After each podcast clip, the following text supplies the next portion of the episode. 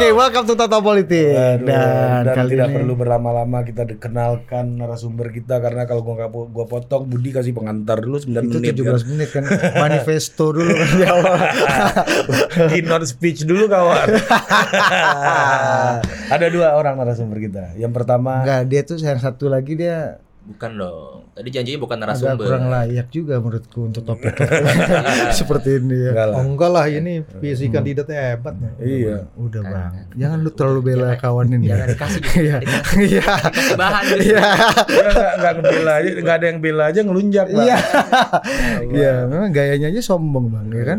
Muka udah sombong. Iya, Oke, yang pertama ada Edward Gani dan yang kedua ada Bang Katib Basri. iya, bang Dede. Kalau nggak meriah gitu, Nggak Bang Dede? usah. Ini ada agak eksklusif forumnya hari ini. Betul, betul. Nah, kalau Gimana? forum forum-forum politik kan harus Iya. karena yang diomongin nggak jelas pak.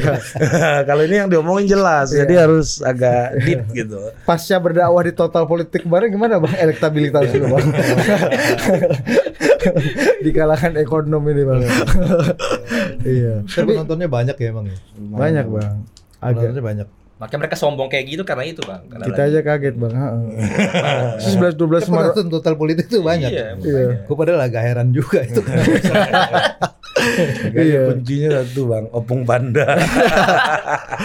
iya gitu tapi ya kita pokoknya hari ini nge- ngejawab mitos-mitos ya kan ya soal yang pertama langsung aja bang. ah, gue dulu Oh ya udah dulu. gue mau dulu Ya, kan lu gue berat yang undang lu. Kalau gua gampang aja. iya gue tahu Kata Mardigu itu dua mata uangnya Cina bang. Nah bener gak itu? mata uang Cina itu renminbi dengan satuannya yuan. Dia dia pakai satu mata uang sebenarnya. hmm. Udah kan? Iya. Pertanyaannya itu ya, kan. Ya bener gak inflasi itu nggak apa-apa dibiarin gitu. Karena dibangun untuk infrastruktur segala itu adalah oli pembangunan nah katanya Maksudnya cetak uang. Iya cetak uang. Cetak uang terus nggak apa-apa dilakukan karena itu nggak akan nimbulin inflasi. Iya. Ya ada contoh masalah, nggak ada masalah. Dengan contoh inflasi. yang terjadi sekarang itu Amerika. Kenapa inflasi terjadi di Amerika yang tinggi, di Eropa yang tinggi? Karena sewaktu COVID kan dia biayai dengan cetak uang. Hmm. Lo- Logikanya itu sederhana. Ada yang disebut sebagai helikopter money namanya. Jadi kalau orang tuh dikasih uang dari helikopter, terus dia terima uang, dia udah punya uang. Kalau dia mau beli barang, barang itu kan untuk bisa produksi butuh waktu.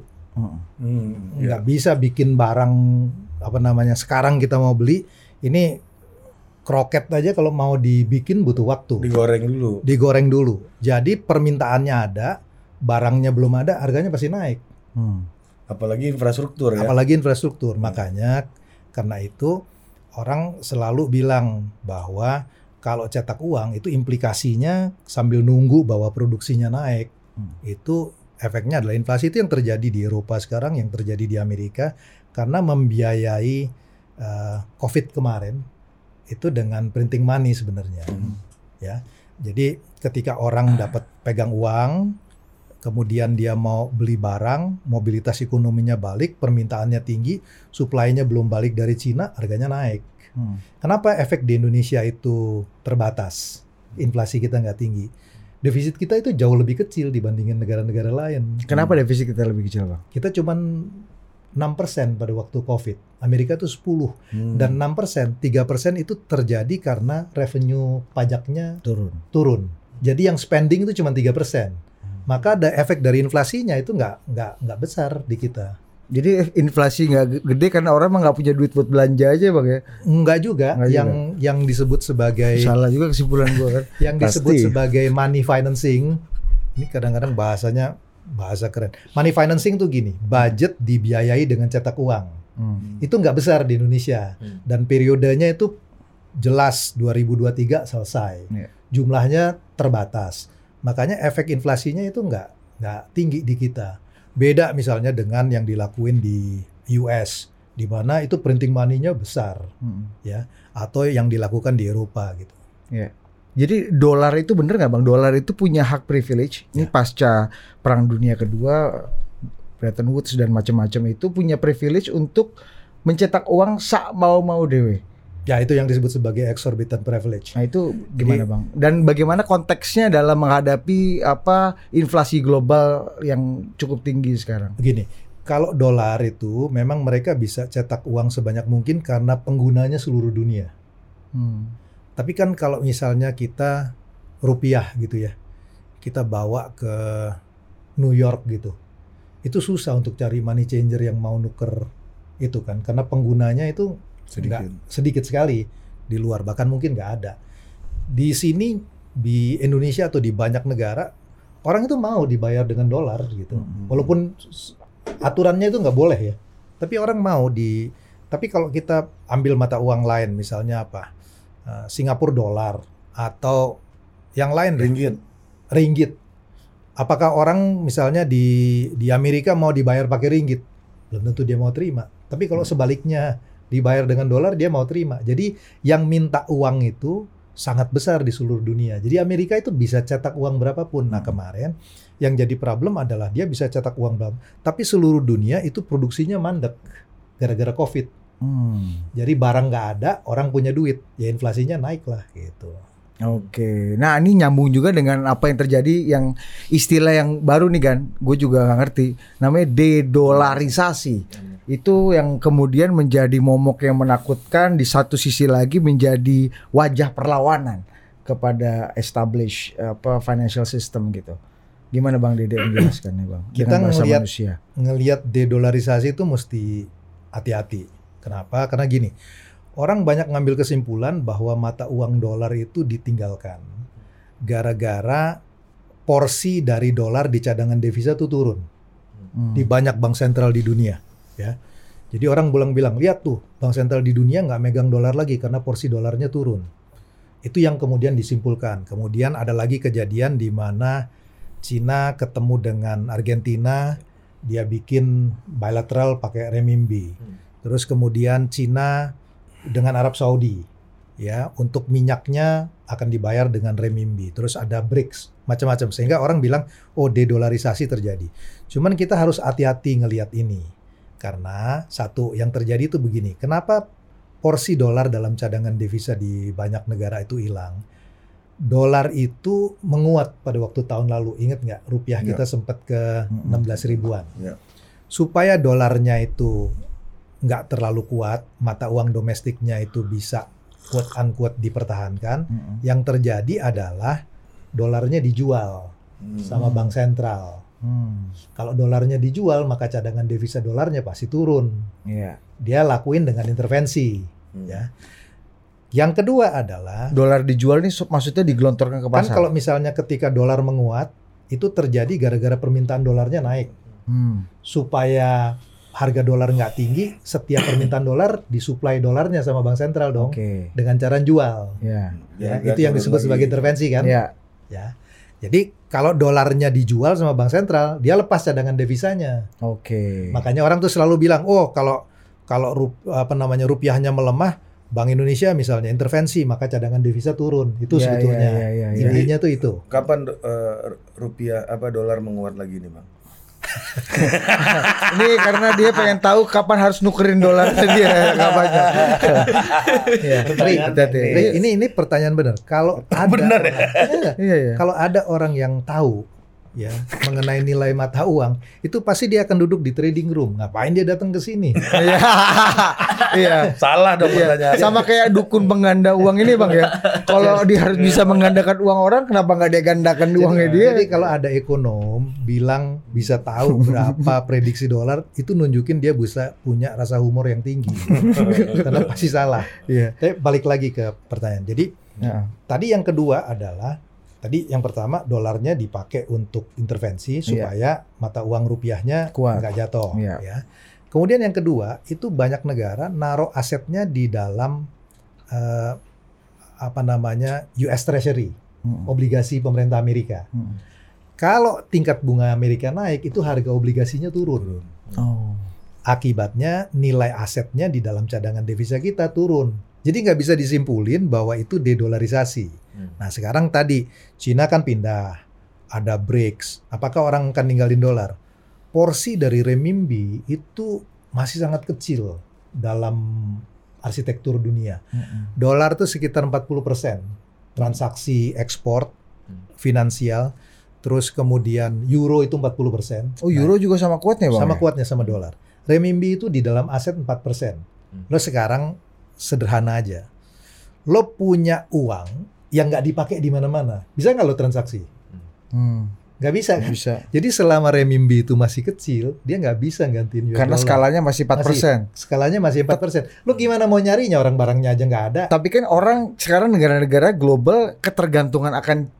China-nya kan juga makin lama makin tinggi bang, sehingga Betul. China punya daya pressure untuk bisa, kalau kalau mau beli barang gua atau mau kerja sama ekonomi sama gua, harus pakai renminbi dong. Betul. Itu Makanya, gimana kemampuan skala itu gimana sekarang? makanya porsi dari renminbi itu akan naik pelan-pelan tapi belum di dalam jangka waktu pendek. Karena porsinya tuh baru 4%. Hmm. Nah, kenapa yang mencegah Cina menjadi reserve currency?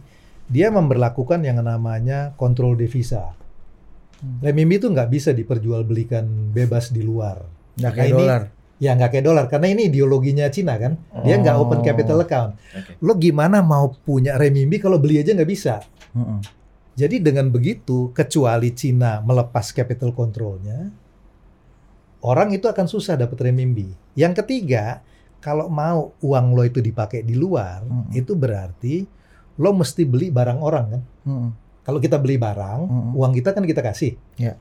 Berarti Cina kalau dia mau uangnya jadi mata uang internasional, dia mesti defisit. Iya. Oh. Dia mesti defisit. Kalau dia dia surplus kayak sekarang, Heeh. justru yang terjadi mata uang orang yang dia pegang. Iya iya benar benar. Nah sekarang pertanyaannya, Cina mau nggak defisit? Enggak.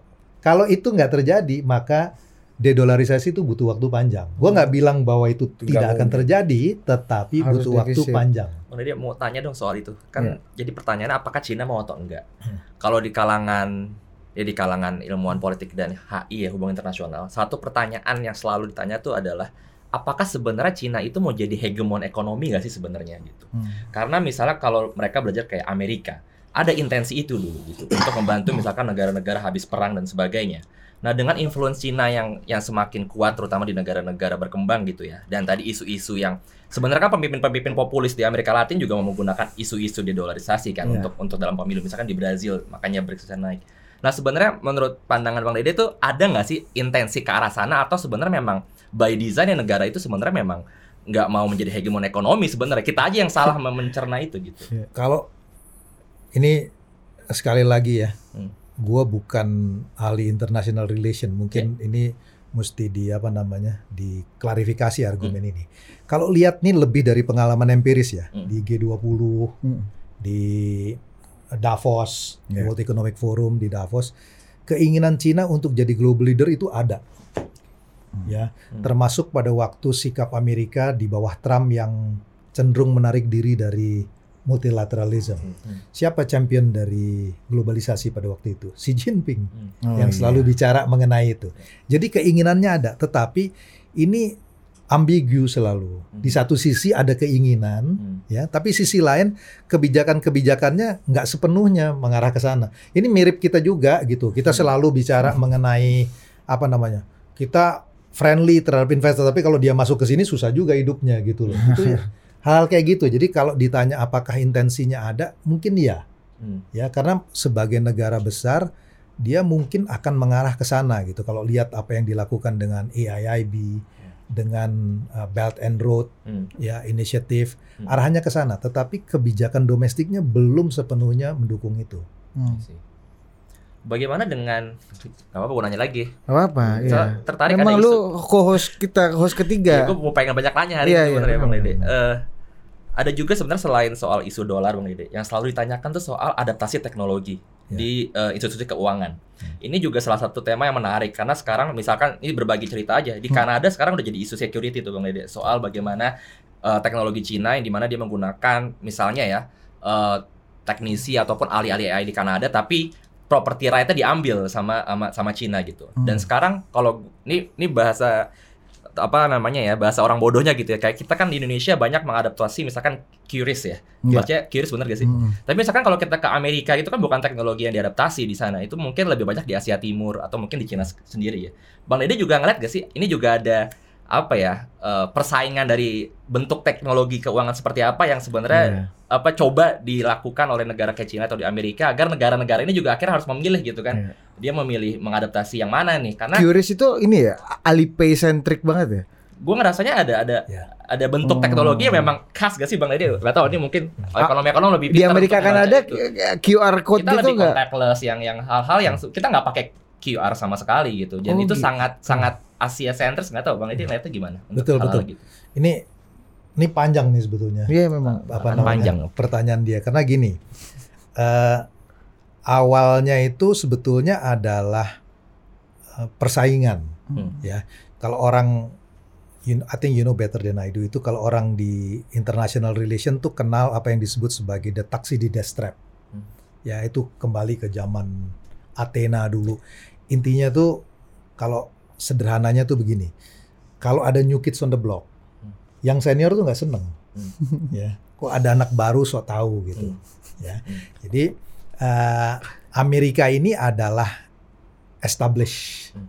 kaum establishment di dalam global power Hmm. ada kekuatan baru yang muncul namanya Cina di dalam sejarah setiap kali ada rising power berhadapan dengan established power itu pasti konflik Hmm. Ya apakah itu dengan perang atau apa itu yang disebut sebagai the Thucydides trap. Hmm. Nah, jadi embrio bibit dari pertarungan ini udah terjadi sebenarnya. Hmm. Cuman pada waktu lalu tuh Cina nggak sekuat sekarang.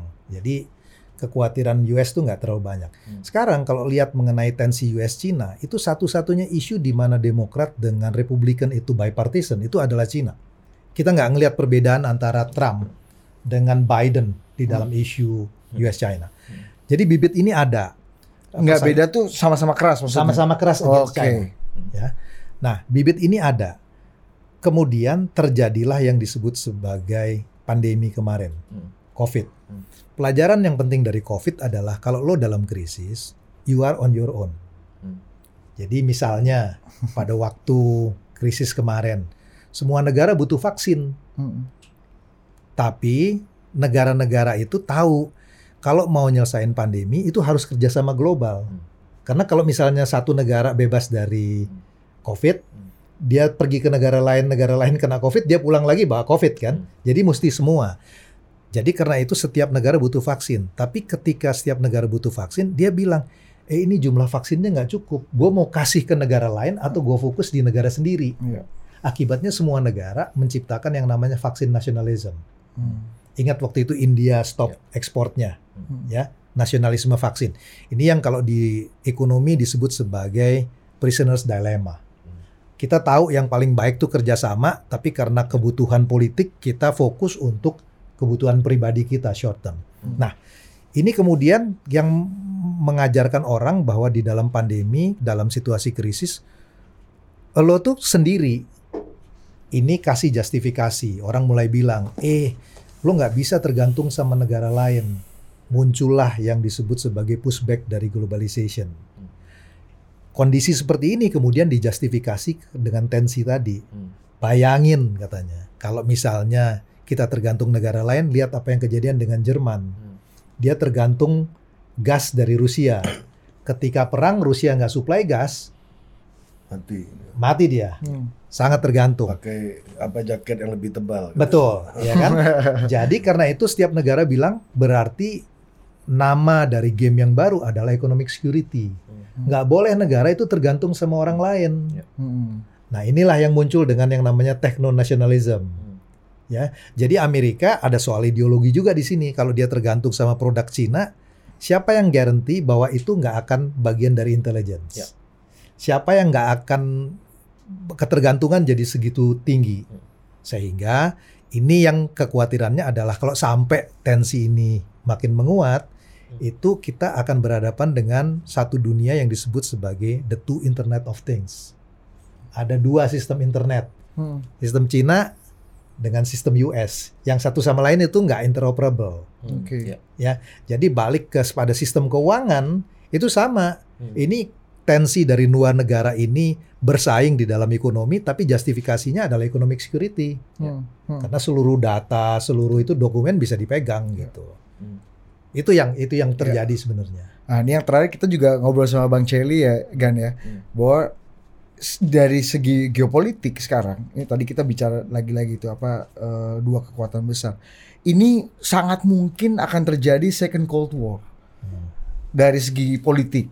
Dan pastinya kalau ada ketegangan tensi di politik yang semakin tinggi, itu merembes kepada ekonomi. Ba- Bang Dede ngelihatnya gimana? Ketakutan bahwa nih kita diambang second Cold War nih. Satu pertanyaan pertama mungkin nanya Gani apakah mungkin terjadi second Cold War. Gue Iya. jawab implikasinya. Oke oke, gimana Ya? Menurut Jadi gue jawab implikasinya adalah gini. Kalau misalnya Cina nyerang Taiwan, Hmm. ya, itu Amerika nggak akan diam. Hmm. Ya, dia bisa possibility-nya adalah dia attack Cina atau dia terapin seperti ketika Rusia Ya. nyerang Ukraine kan, dia kenakan sanction. Maka itu implikasi ekonominya sistem ekonomi dunia itu akan pecah. Karena renminbi itu nggak bisa diperdagangkan lagi. Hmm. Kayak Ru- Rusia nggak bisa pakai Hmm. ruble kan. Jadi bayangin ASEAN itu adalah negara yang ekonominya sangat banyak tergantung pada Cina. Hmm. Kalau dia nggak bisa dagang dengan renminbi, itu repot buat mereka. Jadi ini ini sebetulnya kekhawatiran kalau tensi dari Cina dengan uh, US itu uh, memuncak. Oh ASEAN tuh sangat China centric ya bang? su- uh, ekspor salah satu ekspor terbesar dari negara-negara ASEAN itu adalah Cina. Hmm. Negara di ASEAN yang tergantung ke US itu mungkin hanya Singapura. Hmm. Tapi even even Singapura tuh ekspor ke Cinanya besar. Hmm. Ya, jadi jadi Cina itu suka nggak suka adalah kekuatan real di di, di ASEAN gitu. Hmm. ada efek dari ini nggak sih bang? Misalnya bahwa memang negara seperti Cina lah itu menjadi satu-satunya alternatif untuk negara-negara berkembang apabila mereka ingin mencari misalkan teman atau rekan untuk membantu mereka membangun infrastruktur misalnya. Itu kadang-kadang suka jadi isu tuh tidak banyak Afrika jadi contoh ya misalnya Iya, ya. Tidak banyak negara misalnya yang mau bantuin nih negara-negara berkembang, ayo nih bangun infrastruktur gitu. Ketika tanya ke Eropa misalnya isunya udah isu keberlanjutan dan sebagainya gitu. Itu jadi isu nggak sih bang? Kenapa akhirnya ASEAN tuh sangat leaning ya udah ke Cina karena Cina yang mau bantuin gitu misalnya.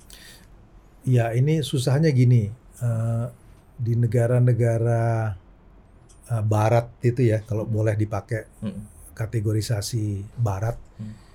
itu juga mereka nggak mau proaktif sih. Misalnya ya pada waktu dibentuk AIIB Hmm. kan kekhawatirannya pada waktu AIIB dibentuk itu governance-nya nggak gold standard kayak yang dibuat di Bretton Woods.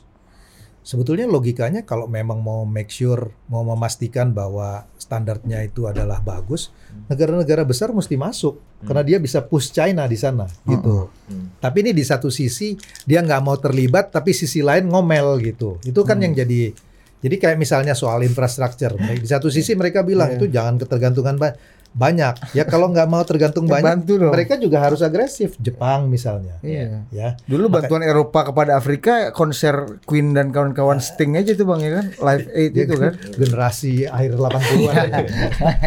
Freddie Mercury. Iya, Eh, Michael Jackson sama Stevie Wonder bikin lagu Bob Ebony ya. Ivory ya kan Iya. itu aja bang ya kan. Ebony, Ebony.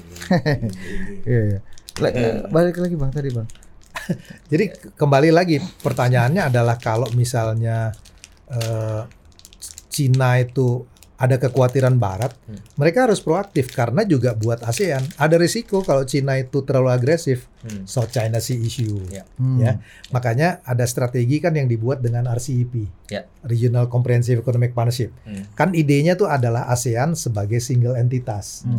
Karena percaya sangat sulit negara-negara di ASEAN itu kalau dealing dengan Cina bilateral. Hmm. Makanya kita harus sebagai satu. Ya, Itu betul. ide yang dipromot Indonesia 2011 kalau nggak salah sebenarnya. Wah, udah lama dong bang. Iya ya. 2011 dengan RCEP itu. Iya. Oh. Pada waktu kita yang dia- promote bang. ya ya, dia dia bisa cerita banyak nih mengenai ginian. Coba coba bisa, coba. bisa. Masih sekolah 2011. Oh iya Nggak bisa. masih. Jadi waktu itu Indonesia adalah chairnya ASEAN Hmm. dan ngelihat kekhawatiran mengenai soal geopolitik makanya ide dari RCEP adalah ASEAN sebagai single en- entity, Iya. sebagai entitas tunggal. Jadi kalau mau deal itu ASEAN plus China. Emang bisa ASEAN bersatu plus- bang ASEAN ini. Ini ini pertanyaan penting banget. Iya. Problemnya di ASEAN itu adalah leadership. Hmm. Hmm. Kalau mau ngatasi leadership, jangan ngomong yang tinggi-tinggi, yang susah-susah. Cari common denominator yang semua negara itu akan sepakat. Iya. Jadi kayak misalnya strategi Indonesia waktu di G20 kemarin. Iya. Ya. Kalau kita cari isunya misalnya di yang berhubungan dengan Ukraine pasti deadlock. Tapi startnya dari mana? Bisa muncul dengan isu kesehatan. Hmm. Nggak ada negara di dunia yang bakal nolak kalau udah bicara mengenai pandemi. Makanya pandemic fund itu goal Hmm. pada waktu di tahun lalu gitu. Jadi mesti cari-cari isu yang common denominator. Iya, iya. Kalau udah common denominator, orang ngerasain manfaatnya, dia akan dukung. Dan ASEAN tuh punya satu kesamaan tadi, ketergantungan pada Cinanya Satu, tinggi. kemudian juga yang bisa misalnya fits well dengan agendanya pemerintahan Indonesia, infrastruktur, Oh. ASEAN connectivity. Ya. Kalau ASEAN connectivity, pemerintah ini kan mesti leadership di ASEAN suka nggak suka itu naturally harus Indonesia karena size-nya. Iya. ya kan? Jadi kalau misalnya agendanya infrastruktur, pemerintah Indonesia pasti support lah. Orang cocok sama agenda dia. Iya, Jadi iya. jadi mesti berpikirnya tuh how incentivize leaders Hmm. to support the reform. Jangan not the other way around gitu, not the opposite. Kadang-kadang kita tuh mikirnya kalau reform tuh nggak jalan kita blame politiciannya. Iya. Itu kesalahan ekonom tuh. Karena dia selalu hidup di dalam ruang hampa.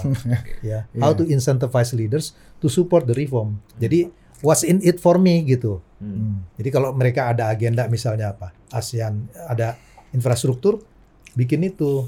Pandemik gitu apa health bisa dibikin itu gitu. Ini pengalaman sebagai orang yang bekerja di bidang politik nih bang, Eh, cukup 10 tahun lah kira-kira.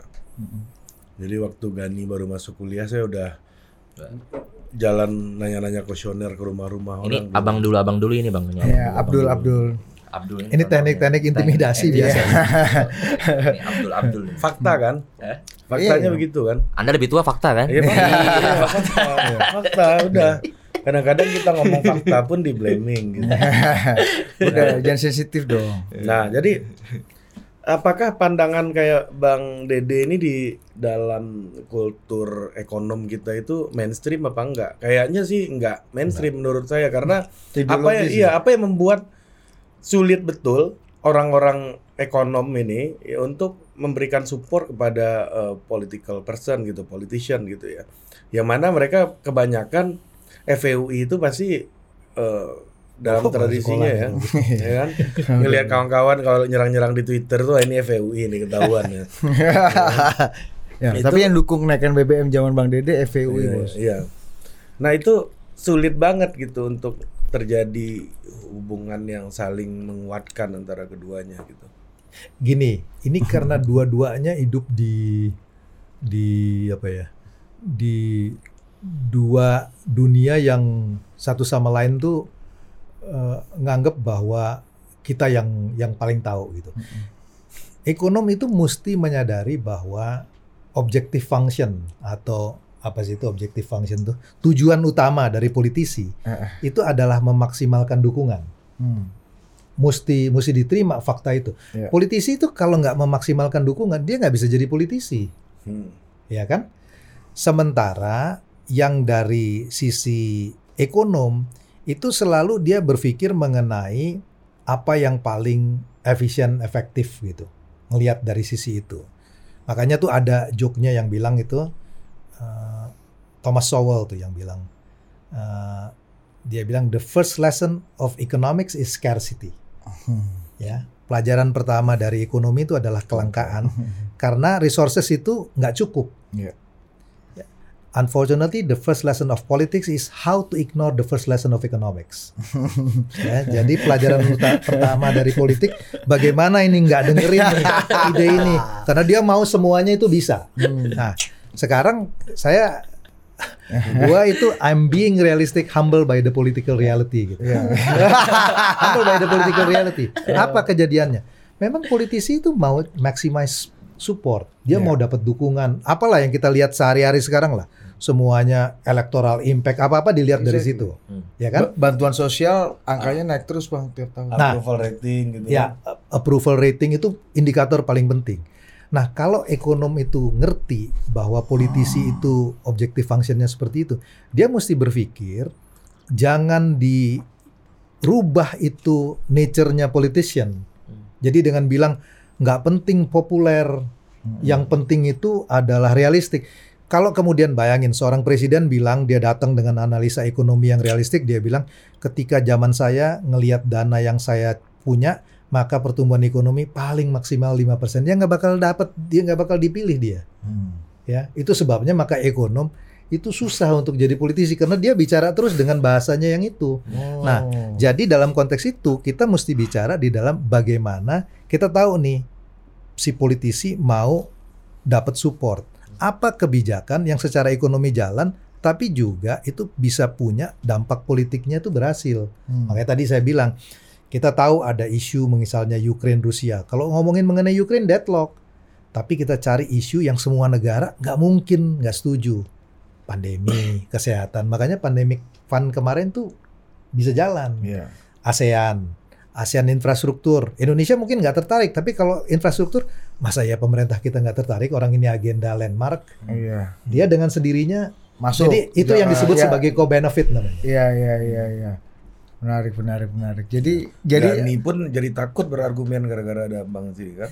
Loh, Padahal saya dia ini starstruck dari tadi. Iya, Saya makanya. ini saya memang ini lebih bukan saya, ke UI-nya, jujur Ini saya. lebih ke CC ini. Saya mah jujur ya. Senioritas berlipat-lipat soal senioritasnya berlipat. Iya, soal- yang lebih senior lagi Akbar Tanjung ini ya. Iya, ini Sama Sarwono Kusumatmaja. Ya, dua-duanya cucu muridnya Yusuf Wanandi. Pak JW. Bang, tapi ini kembali ke jadi artinya sebenarnya ekonom-ekonom ini memang nggak bisa juga berdiri sendiri. Dia harus bisa menjembatani atau melegitimasi keinginan politisi untuk bisa dapat dukungan itu Nah, sebenarnya. iya, Dit, iya. Dit, mau tambahin dikit. Boleh, boleh, boleh. Soalnya saya tuh pernah salah satu paper yang saya suka dari Bang Dede tuh yang menulis soal membedakan ekonom dengan aktor-aktor lain. Saya lupa judul judul jurnal waktu itu. Tapi lupa. saat itu eh, waktu saya baca Bang Dede, itu intuisi saya mengatakan bahwa kok kesannya ekonom itu benar-benar makhluk yang kesannya dia pure dari politik gitu. Karena disebutkan satu-satunya aktor yang tidak memiliki dukungan politik itu ekonom. Iya. Apa maksudnya? Orang yang terlibat sebagai menteri keuangan misalnya gitu Bang Dede. Iya. Tapi apakah benar gitu ekonom dalam sistem itu adalah makhluk yang bukan makhluk politik? Bukankah mereka juga pasti punya insentif untuk tetap di sistem gitu Bang Dede?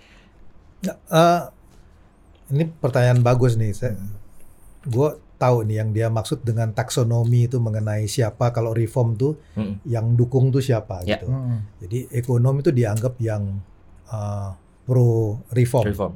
ya itu sebetulnya dilihat di dalam konteks di mana teknokrat itu menjalankan kebijakannya sesuai dengan profesinya. Hmm. Jadi ide Hmm. sederhananya tuh gini. Tujuan dari teknokrat di pemerintahan tuh misalnya supaya bikin pipa tuh nggak bocor. Hmm. Kalau dia di sana kemudian dia bikin bocor juga nggak ada gunanya dia di situ. Hmm. Dia duduk di pemerintahan karena unsur teknokrasinya. Jadi Kebijakan nah, ekonomi. tapi ini pertanyaan ini jadi benar karena begini, Eh, nggak bisa juga assume bahwa orang itu serasional seperti bayangan kita gitu ya. Hmm. Jadi eh, pemenang Nobel dari Chicago tuh Richard Taylor tuh bilang, ekonom itu selalu mengasumsikan bahwa orang itu mirip dengan ini nggak tahu masih pada ingat nggak? Dulu ada film namanya Star Trek Ingatlah, ada tokoh yang namanya Mr. Spock. Hmm. Mr. Spock itu adalah contoh bayangan dari orang rasionalitas ekonomi. Hmm. Dingin, calculated, Hmm. rasional, Hmm. Bikin terpengaruh keputusan ya, nggak terpengaruh. Mm-mm. ya. Bukan. Masalahnya adalah dalam fakta itu sebagian besar dari kita itu adalah eh, mirip dengan Homer Simpson. Hmm. malas ya apa namanya addicted kepada junk food kerjanya nonton TV kalau Hmm. bikin keputusan nggak rasional Iya, nggak peduli. nggak peduli ya jadi jadi ini sebetulnya yang lebih dekat kepada personifikasi dari dari ekonom jadi kalau dianggap bahwa itu rasional dia seperti ada di dalam ruang hampa makanya tadi gua bilang mestinya juga ekonom melihat bagaimana how to incentivize leaders untuk support program dia Hmm. jadi nggak bisa lagi dia dengan bilang ini lo yang bener kalau misalnya lo nggak mau ngikutin lo artinya populis gitu Iya, iya, iya. Siapa mempengaruhi siapa ini juga ini Ya. bang. Relasinya tuh terus ini ya. Pertanyaan Boleh, boleh, lebih spesifiknya mungkin Bang. Jadi apakah memang harus nih ke depannya yang namanya menteri-menteri dalam pemerintahan yang memegang kebijakan-kebijakan ekonomi harus non parpol itu kan semacam udah jadi teknokrat, common teknokrat sense tuh ya, di di publik itu kalau Bang Dede punya pendapat gak soal itu? Iya. Sebetulnya isu itu kan berangkat karena tradisi di zaman Pak Harto ya, Hmm. di mana teknokrat itu harus dari katakanlah bukan hanya ekonom tapi Hmm. dari profesi yang Ya. netral sebetulnya. Hmm. Sebetulnya kalau ke depan ya, kalau menurut gue sebenarnya itu nggak bisa lagi pembuat kebijakan hidup di dalam ruang hampa. Hmm. Yang jadi isu itu adalah dia tetap memperjuangkan apa yang secara profesinya itu eh, bisa dipertanggungjawabkan. Hmm. Misalnya gini ya, Hmm. gua ambil contoh misalnya eh, naikin BBM. Ya. BBM itu itu subsidinya jatuh ke kelompok menengah atas, Hmm. ya kelompok menengah atas. Jadi itu bukan kebijakan yang eh, apa namanya yang baik sebenarnya. Nah, tapi kalau kita misalnya mau bilang bahwa kalau gitu nggak boleh subsidi BBM, maka jawaban pertanyaannya adalah, tapi kan nanti ada implikasinya kepada masyarakat Hmm. karena harganya naik. Hmm. Jadi kemudian maka kita bikin dengan BLT, Hmm. ya. Jadi jadi idenya tuh bukan berarti anti subsidi BBM, tetapi bagaimana membuat masyarakat yang vulnerable itu bisa terlindungi dikasih dengan BLT gitu, Hmm. ya. Hmm. Nah, ini maksudnya tuh Ya, dikompensasi gitu loh, ya. dikompensasi. Itu yang Ya. kalau misalnya itu nggak dilakuin nggak bisa secara politik, nggak akan bisa jalan secara politik gitu. Ya, jadi kalau dana APBN untuk berbagai bansos di Indonesia naik dari 476 T di 2023 jadi 540 546 T di eh, 2024 naik 14 persen itu kebijakan politik apa kebijakan ekonomi itu Bang? Dua-dua, ya dua-dua. Ini yang gue sebut sebuah kebijakan yang economically sound and politically sound. Kalau mau bikin kebijakan harus yang kayak begitu, Hmm. Hmm, hmm. ya. Gimana Kenapa ini economically sound? Hmm. Orang itu kalau kelompok yang miskin, tapi uangnya harus dikasih kepada kelompok yang vulnerable ya, ya. jangan kasih kelompok menengah atas. Dan ini mostly cash transfer ya bang? Cash ya? transfer. Hmm. Kenapa itu begini? Orang itu kalau dia datang dari keluarga yang miskin, itu sehari-harinya aja duitnya nggak cukup. Hmm. Jadi kalau dia dikasih duit, dia nggak mungkin nabung. Ah. Kalau dia dapat duit, dia pasti belanja. Kalau dia belanja, ada permintaan. Aktivitas ekonomi pasti jalan. Tapi kalau lokasi uang ini ke kelompok menengah atas, kayak tax cut-nya di Amerika, apa yang kejadian? Orang kalau menengah atas itu dapat duit, dia nggak spend. Karena dia udah punya duit, yang terjadi dia tabung. Hmm. Kalau dia tabung, nggak ada belanja, aktivitas ekonominya nggak jalan.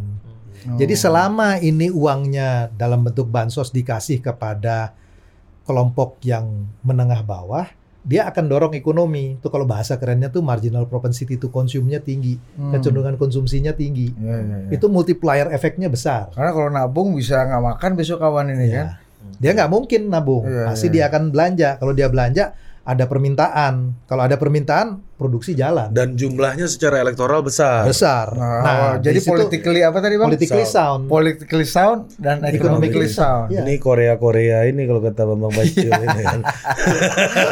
Iya, Jadi iya. kalau me- memang mau Eh, propose kebijakan harus yang seperti itu yang bisa diterima secara politik dan juga secara ekonomi. Ini gitu. bisa melengkapi postulat ya Bambang Bacil soal Korea Korea. Iya betul. Ternyata Korea ini konsumsi juga tinggi. Konsumsi tinggi.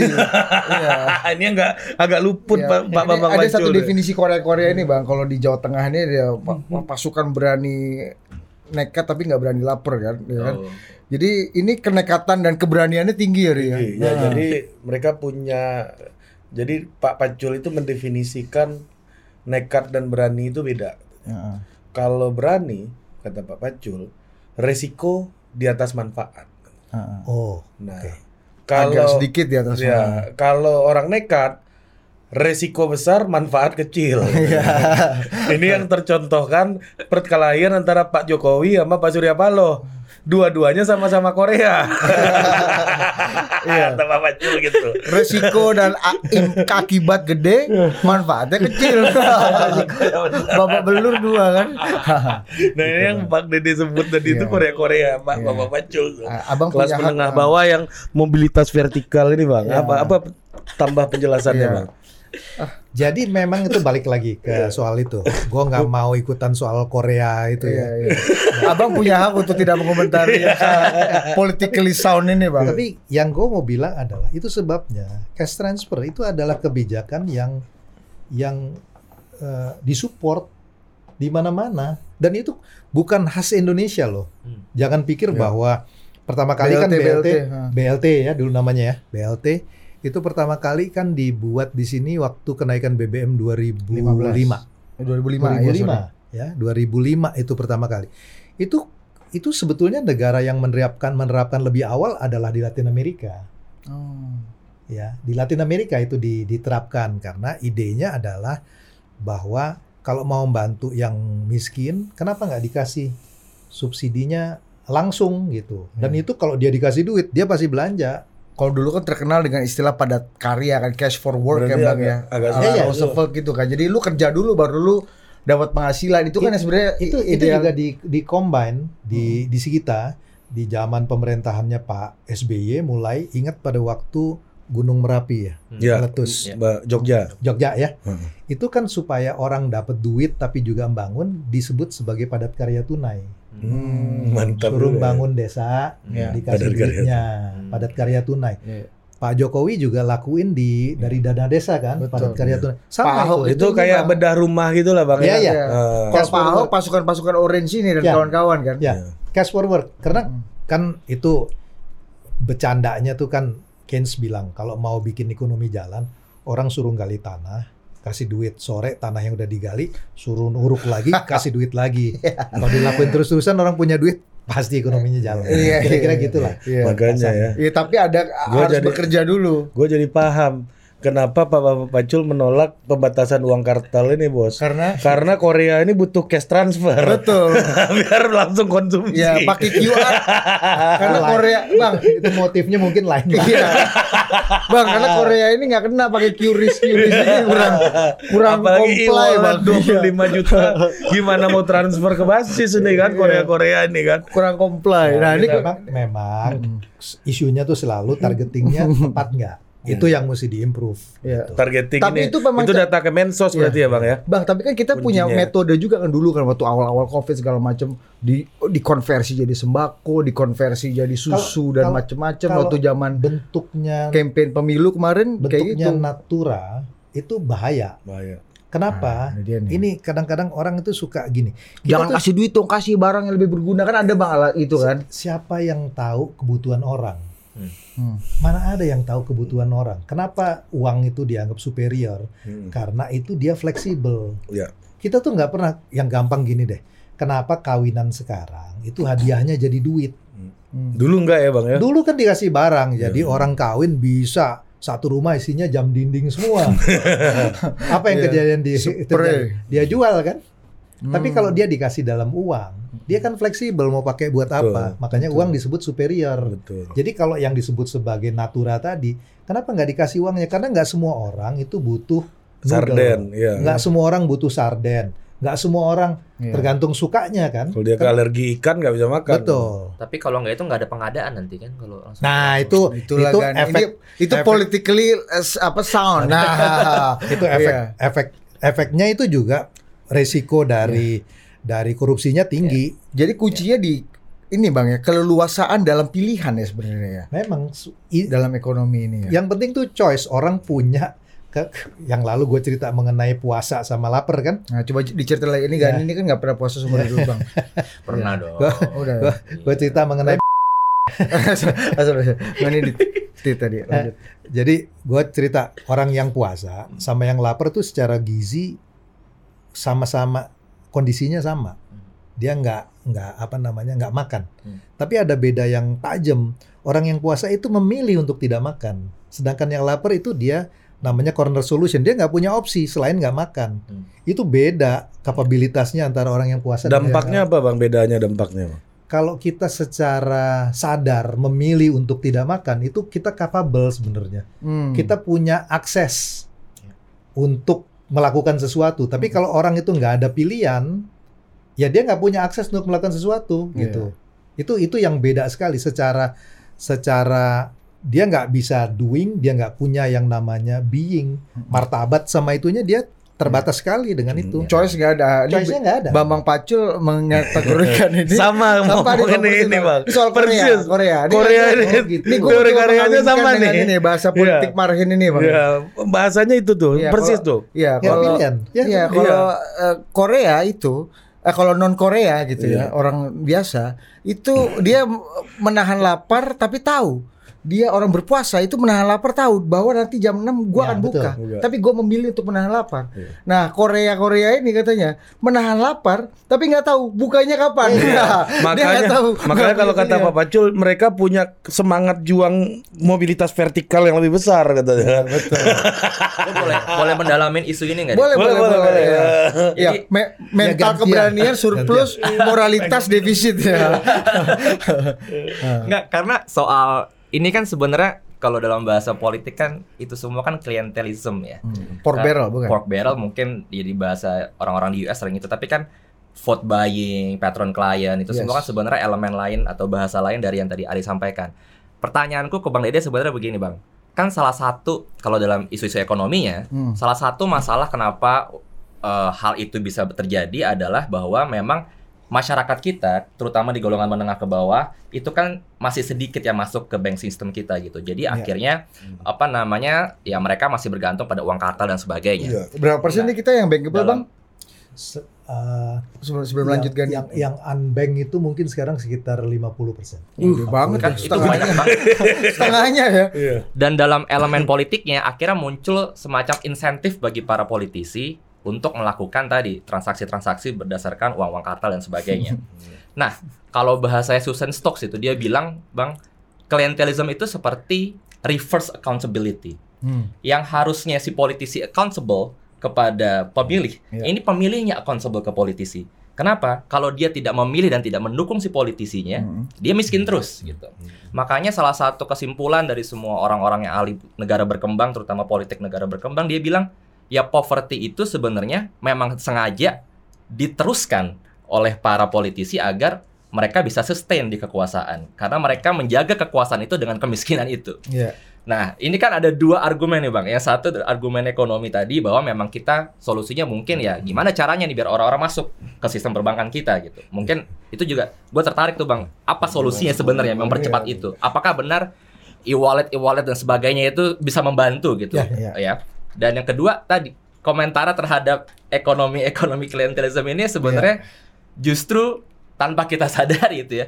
Itu membuat praktek-praktek koruptif atau vote buying itu ya sustain gitu di negara-negara Iya. kayak Indonesia gitu. Jadi mustahil ketika politisi yang hidup dan menikmati klientelisme ini Punya eh, insentif mengi- terhadap program-program dan, polisi meng- yang dan gitu. menginisiasi undang-undang perampasan aset dan pembatasan uang kartal seperti ala Batasan uang kartal itu itu kalau politisinya nggak datang uang kartal lu terbatas. Ya. itu the real tuh bang. The real pembatasan uang kartal. Gimana tuh Bang? Gimana, Bang? Oke, satu-satu dulu ya. Iya.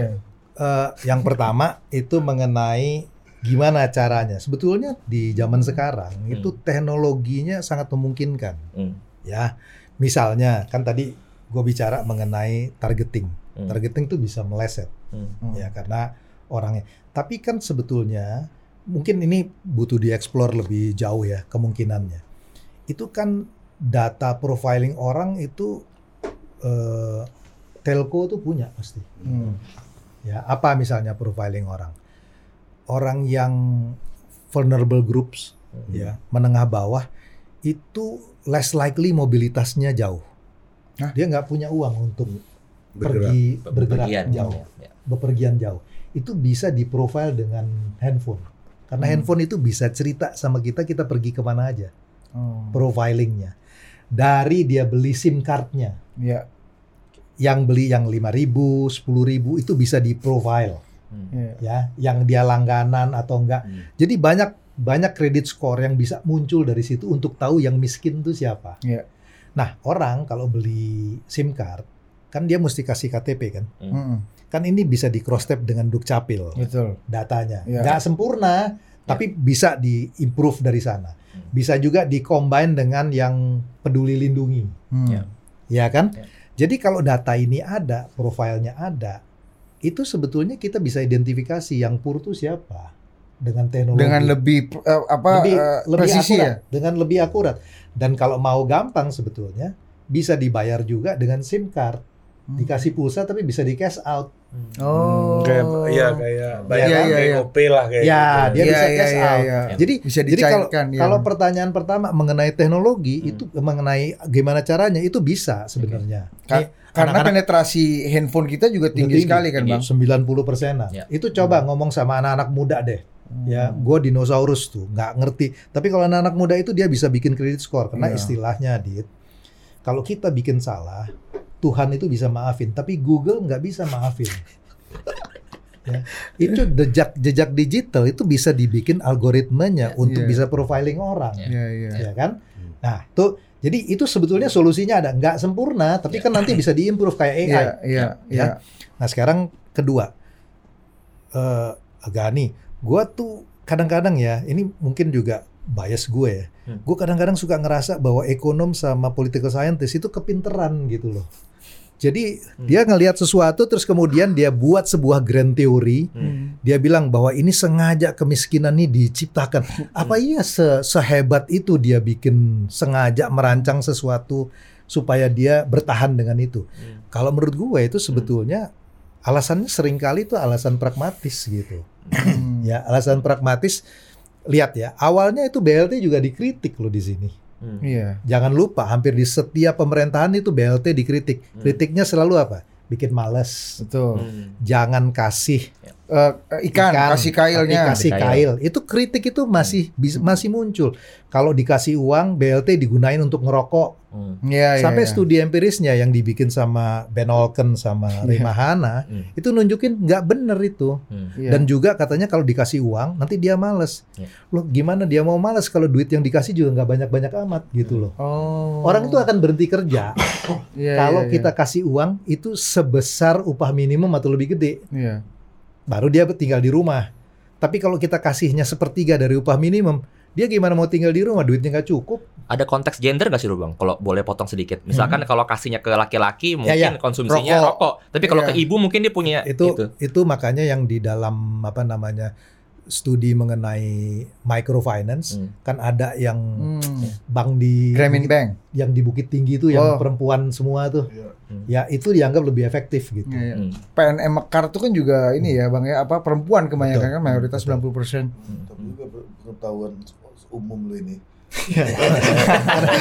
Jatuhin lagi udah Artinya- ya. Artinya nggak butuh-butuh Tahu amat. baca RPUL, baca RPUL.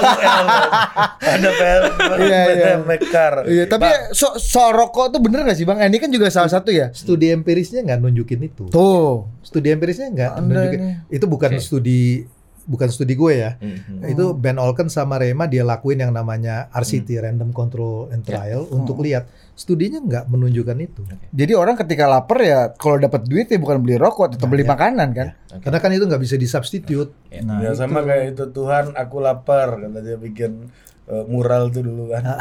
dia lapar beli, beli malah beli pilok. Nggak masuk akal. lu kalau punya duit lu beli makan. itu yang ekonom bilang tuh namanya revealed preference Ah. preferensi yang sesungguhnya tuh kelihatan dari Hmm. dari seberapa jauh pengorbanan yang kita berani kasih itu yang kadang-kadang kalau berhubungan uh, pacaran Ah. itu yang sering dipakai Ah, coba-coba gimana? misalnya kayak Udah gini. lama nggak pacaran soalnya. misalnya ini ada satu satu satu eh, cerita ya. Satu cerita di dalam game teori. Jadi ada orang di Amerika yang cewek itu punya apartemen. Hmm. ya cowoknya suruh pindah ke apartemen dia. Hmm. dia oke yang cowok pindah tapi dia nggak mau jual apartemennya. Hmm. buat si cewek itu signal dia nggak mau komit Ah. karena kalau dia jual dia nggak punya opsi lagi untuk keluar dari situ. Itu yang namanya revealed preference. Oh, iya iya iya. ya kan? Jadi kalau orang masih kelihatan itu mendua Iya. itu itu belum sungguh-sungguh. Nah, Ah, ini. itu Rin. Itu. Rumah Dalam lama lu nggak mau lu jual lu. Pilpres ini bang. Nah. Kan? Rumah lama kapan lu mau jual? Oh, nggak ada rumah. rumah baru lu. rumah baru pun nggak bukan atas ya, lu? nama gua. Susah Iya, ini opsi ini ya.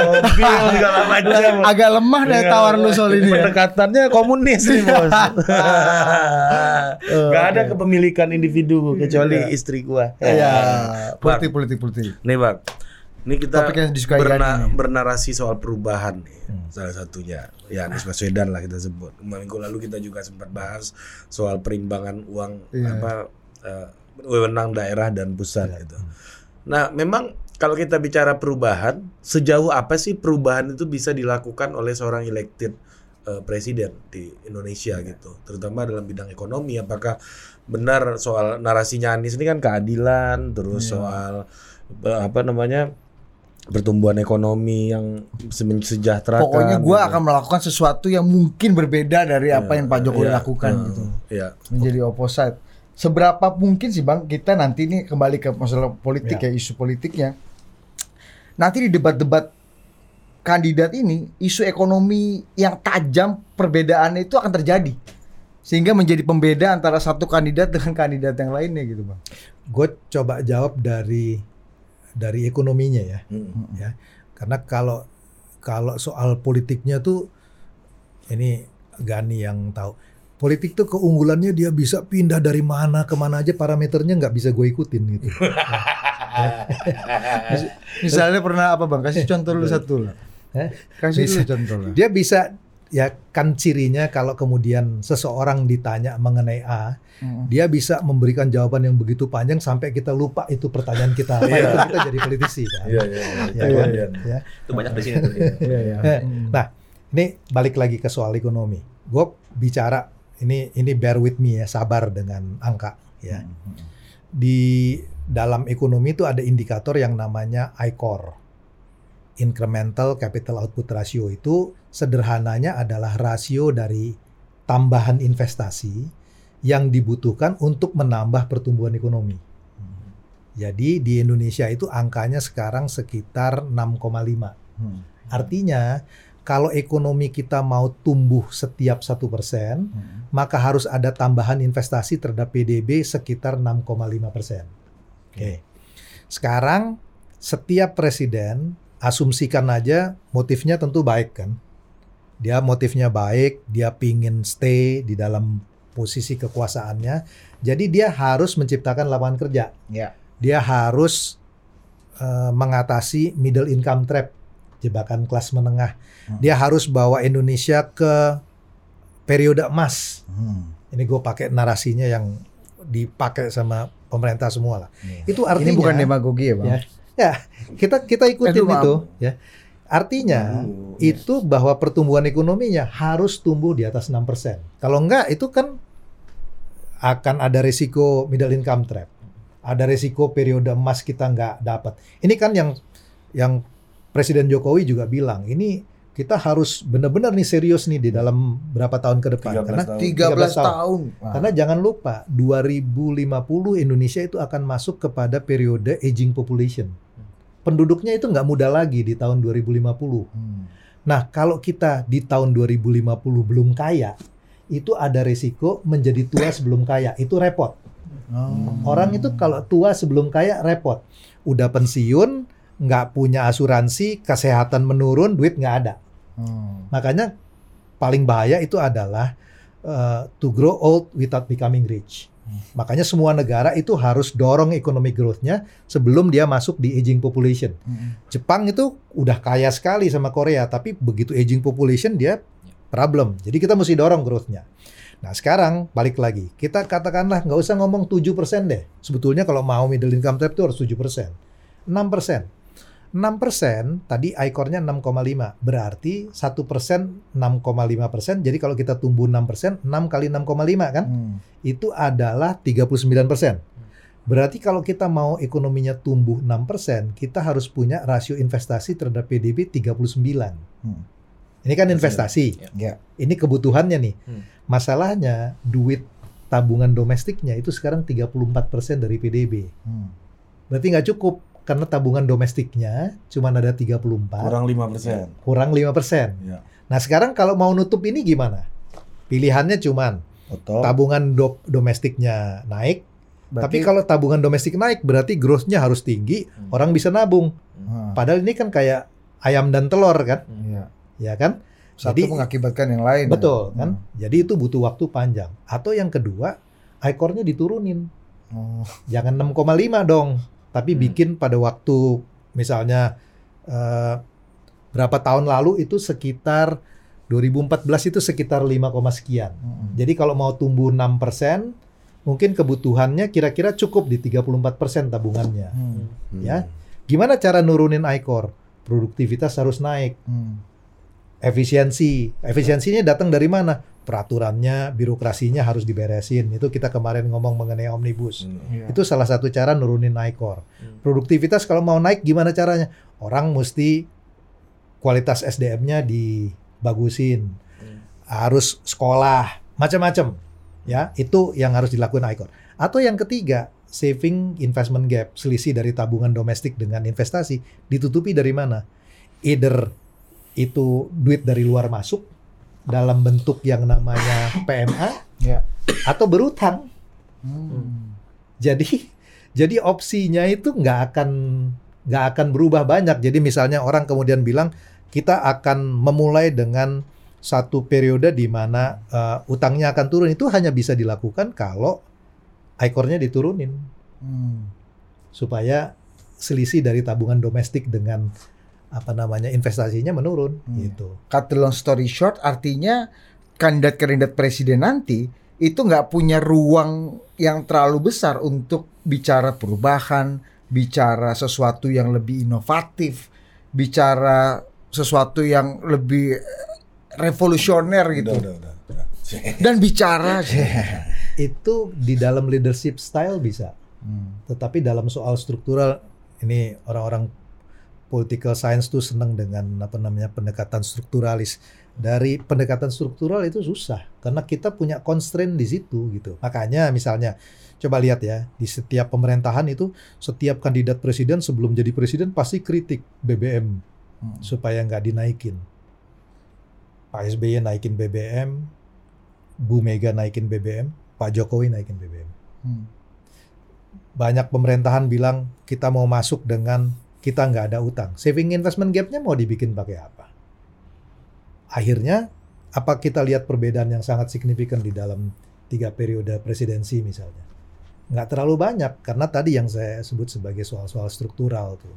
Tapi kalau di dalam leadership, di dalam cara memimpin itu bisa beda. Misalnya, Pak Jokowi fokus di infrastruktur, ditongkrongin supaya jadi itu bisa kelihatan beda. Tetapi bukan di dalam isu-isu besar mengenai Ekonomi. ini siapa pun jadi presiden ya 2024 ke sana itu harus naikin tax ratio. Hmm. Tax ratio kita itu sekarang 10 persenan Ya. Hmm. ya 10 persenan. Udah amnesti segala macam 10%. Iya 10 persen.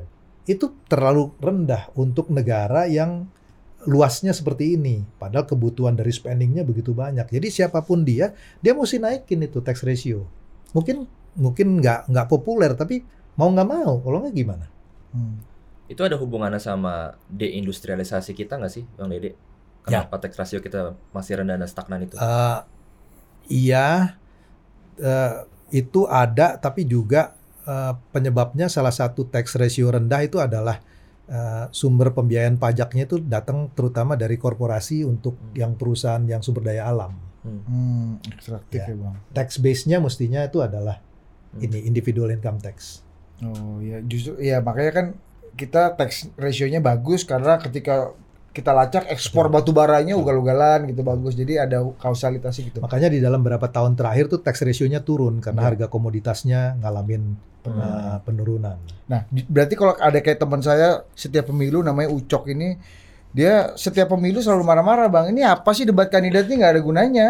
Oh, sama semua gini. Jadi memang nggak ya orang-orang kayak Ucok ini juga harus disadarkan juga gitu, Bang ya bahwa memang nggak mungkin mereka punya ruang yang be- besar untuk bisa melakukan perbedaan gitu ya, punya perbedaan. Bisa itu di dalam di dalam apa ya? di dalam leadership untuk implement tuh bisa. Bisa sekali untuk itu. Tetapi soal-soal besar tadi misalnya yang kaitan dengan keterbatasan financing, bahwa tax ratio harus naik, itu nggak bisa terhindarkan. Bangun infrastruktur siapa pun pemerintahnya, itu harus bangun infrastruktur. Iya. Sumber daya manusia, siapa pun yang memerintah harus fokus pada SDM gitu. Iya. Governance. Jadi Iya. isu-isu itu nggak akan beda banyak gitu. Nah, Hmm. kalau di Amerika itu sifatnya ideologis. Untuk ngatasin yang tadi soal yang gua bilang tadi, Mm-mm. kalau Demokrat bilangnya caranya adalah spendingnya Hmm. digedein, Hmm. ya. Mm-mm. Kalau untuk yang Republikan itu dia dia bilang spendingnya nggak perlu digedein tapi taxnya di cut. Ini kan ini kan di situ Hmm. apa namanya debatnya di sini kan kita nggak bicara mengenai itu. Oke, ini menarik banget ada satu pertanyaan terkait ini. Oke, kita mungkin nggak punya beda ideologi ya. Tapi apakah kita tuh sebenarnya punya pilihan kementerian misalnya Bang Dede? Iya. Misalnya struktur kementerian. Kan presiden itu selalu punya ya punya wewenang gitu. Misalnya dia mau bikin kementerian baru, menyatukan kementerian dan sebagainya. Misalnya yang ngurus ekspor sama impor disatuin kek atau seperti apa. Itu kan sebenarnya juga policy choice dong Dede, yang bisa sebenarnya dilakukan oleh siapa pun presiden yang nanti naik bisa, gitu. bisa, bisa. Hmm. Jadi Hmm. kalau di dalam soal kayak gituan dia bisa lakuin. Hmm. Jadi kayak waktu Gus Dur ya, Hmm. itu kan ada kementerian yang yang istilahnya apa sih? Bukan dibubarin tapi kemudian dirubah jadi Iya. kementerian lain kan, Hmm. ya. Waktu zamannya Bu Mega kalau nggak salah perdagangan dengan industri digabung. Ya. Ya, Hmm. opsi itu ada selalu ada. Hmm. Ya, tetapi soal-soal apa ya? eh, Soal-soal besar itu akan kira-kira more or less the same lah. Iya. Hmm. Siapa pun dia mesti ciptain pekerjaan, mesti bangun infrastruktur, itu nggak nggak ada eh, debat yang yang tajam dalam kaitan itu. Ya. Ada satu hal yang juga mungkin menarik bang kalau kita lihat kebijakan politik ya terkait dengan uh, inward looking atau masalah proteksionisme. Ini kan belakangan ini kita tahu Pak Jokowi kita udah keras nih soal hilirisasi, kita stop nikel. Kemarin 10 Juni stop bauxite. Udah udah clear nih, tapi belum digugat karena masih di arbitrase macam-macam. Ini terkait dengan ini kan kebijakan politik nih Bang yang mungkin bisa masing-masing presiden bisa berbeda. Nah ini ada satu tulisannya Aco Patundru nih temannya Bang Dede tahun 2012 mungkin masih relevan. Aku buka-buka ketemu nih tulisannya Bang Aco. Nih dia bilang ini. Washington kalau Acok yang disebut, gue mesti belain repot kalau begini. Mudah-mudahan gue nggak perlu belain dia. Enggak, enggak dia jago. dia jago. Washington DC November 2008 menyadari bahwa krisis ekonomi dapat mendorong negara-negara menjadi lebih inward looking, semakin menutup diri dan mengundang perang dagang yang mengancam kesejahteraan global. Para pemimpin G20 membuat kesepakatan. Mereka berjanji tidak akan menerapkan kebijakan proteksionis. Setahun kemudian Global Trade Alert menunjukkan bahwa negara-negara G20 ternyata menerapkan hampir 200 jenis proteksi baru 60% dari total dunia. Dalam paruh pertama 2012 ini saja G20 telah menyumbang 80% atas total kebijakan proteksi baru di dunia. Kita kembali menyaksikan gelombang proteksionisme sering terjadi negara yang relatif aman pun melakukan hal serupa. Terjadilah situasi prisoner dilemma seperti tadi kata Bang Dede. Respon individual adalah menutup diri sekalipun manfaat sosial dari bekerja sama bisa lebih besar. Dalam kondisi krisis, trust memudar. Jika saya tidak melakukan ini sementara mereka melakukannya, saya akan rugi. Ini kan sangat terkait dengan kebijakan politik, ideologi politik, kemauan politik dari pemimpin. Bang Dede ngeliatnya gimana nih Bang? Ini pertanyaan ini penting karena sekarang konteks globalnya itu bergeser. Tadi gue 2012 bicara ini. mengenai ya, gue bicara mengenai tadi setelah pandemi. Hmm. Setelah pandemi itu bahkan cara orang menyimpan stok ya tadinya itu perusahaan-perusahaan kalau mau efisien dia berpikirnya disebut sebagai just in time. Hmm. Just in time itu dia megang stoknya persis jumlahnya untuk dipakai untuk produksi itu aja. Karena kalau stoknya kebanyakan kan rugi dia. Keluarin uang, barangnya duitnya mati lah ya. Just in time. Tapi setelah pandemi yang terjadi itu berubah dari just in time jadi just in case. Hmm. Ya, karena kalau misalnya kita tiba-tiba negara lain nutup, Hmm. dia nggak sediain barangnya, mati kita. Hmm. Jadi ada kecenderungan perubahan di dalam global yang tadi terkait juga yang Gani bilang techno nasionalisme, Hmm. pertarungan eh, teknologi. Semua negara itu ada kecenderungan untuk mendorong balik globalisasi, pushback globalization. Jadi dunia itu tidak seterbuka seperti yang dibilang sama Acok di tahun 2012. 12. Sekarang bahkan Amerika pun itu bicara mengenai bagaimana pentingnya peran domestik contohnya dengan IRA, Hmm. Inflation Reduction Act. Hmm. Jadi apa itu? Dia kasih subsidi Hmm. kalau orang mau bangunnya di Amerika. Hmm. Ini nggak kebayang Amerika di 2012 ngelakuin kayak gitu. Hmm. Jerman sekarang kalau misalnya orang mau beli EV-nya dia kasih cash. Hmm. Ya, jadi dunianya berubah. Nah, yang jadi repot buat negara berkembang adalah dia resourcesnya cukup nggak? Amerika itu bisa punya uang yang banyak sekali untuk subsidi macam-macam. Jerman itu bisa punya uang yang banyak sekali. Indonesia kalau uangnya terbatas ikut-ikutan itu nggak bisa compete kita. Nah, Hmm. sekarang tadi balik ke pertanyaan mengenai uh, langkah politik yang dilakuin Presiden uh, Jokowi. ya. Sebetulnya uh, proses dari ekspor ekspor proses itu mulainya di 2014 Hmm. pertama kali ya. Pada waktu itu diberlakukan dengan ekspor tax, sekarang dibikin dengan ekspor ban. Menteri Keuangan siapa tuh? Paten juga tuh 2014. Mesti lihat di Google waktu itu. Hati Basri. Jadi Jadi em, itu diberlakukan bahwa ekspor tuh harus diproses dulu, ya. Sekarang diberlakukan dengan cara eh, ekspor ban. Jadi pelarangan ekspor. Dalam kasus nikel, orang itu bilang bahwa ini berhasil sekali, ekspor kita naik tinggi sekali. Kalau menurut gue ini kebijakan ini adalah kebijakan yang benar di dalam jangka pendek. Hmm. Kenapa? Karena begini. Satu, dengan pelarangan nikel itu kita kenapa kita bisa sukses? Kebutuhan nikel terhadap Indonesia itu besar sekali. Hmm.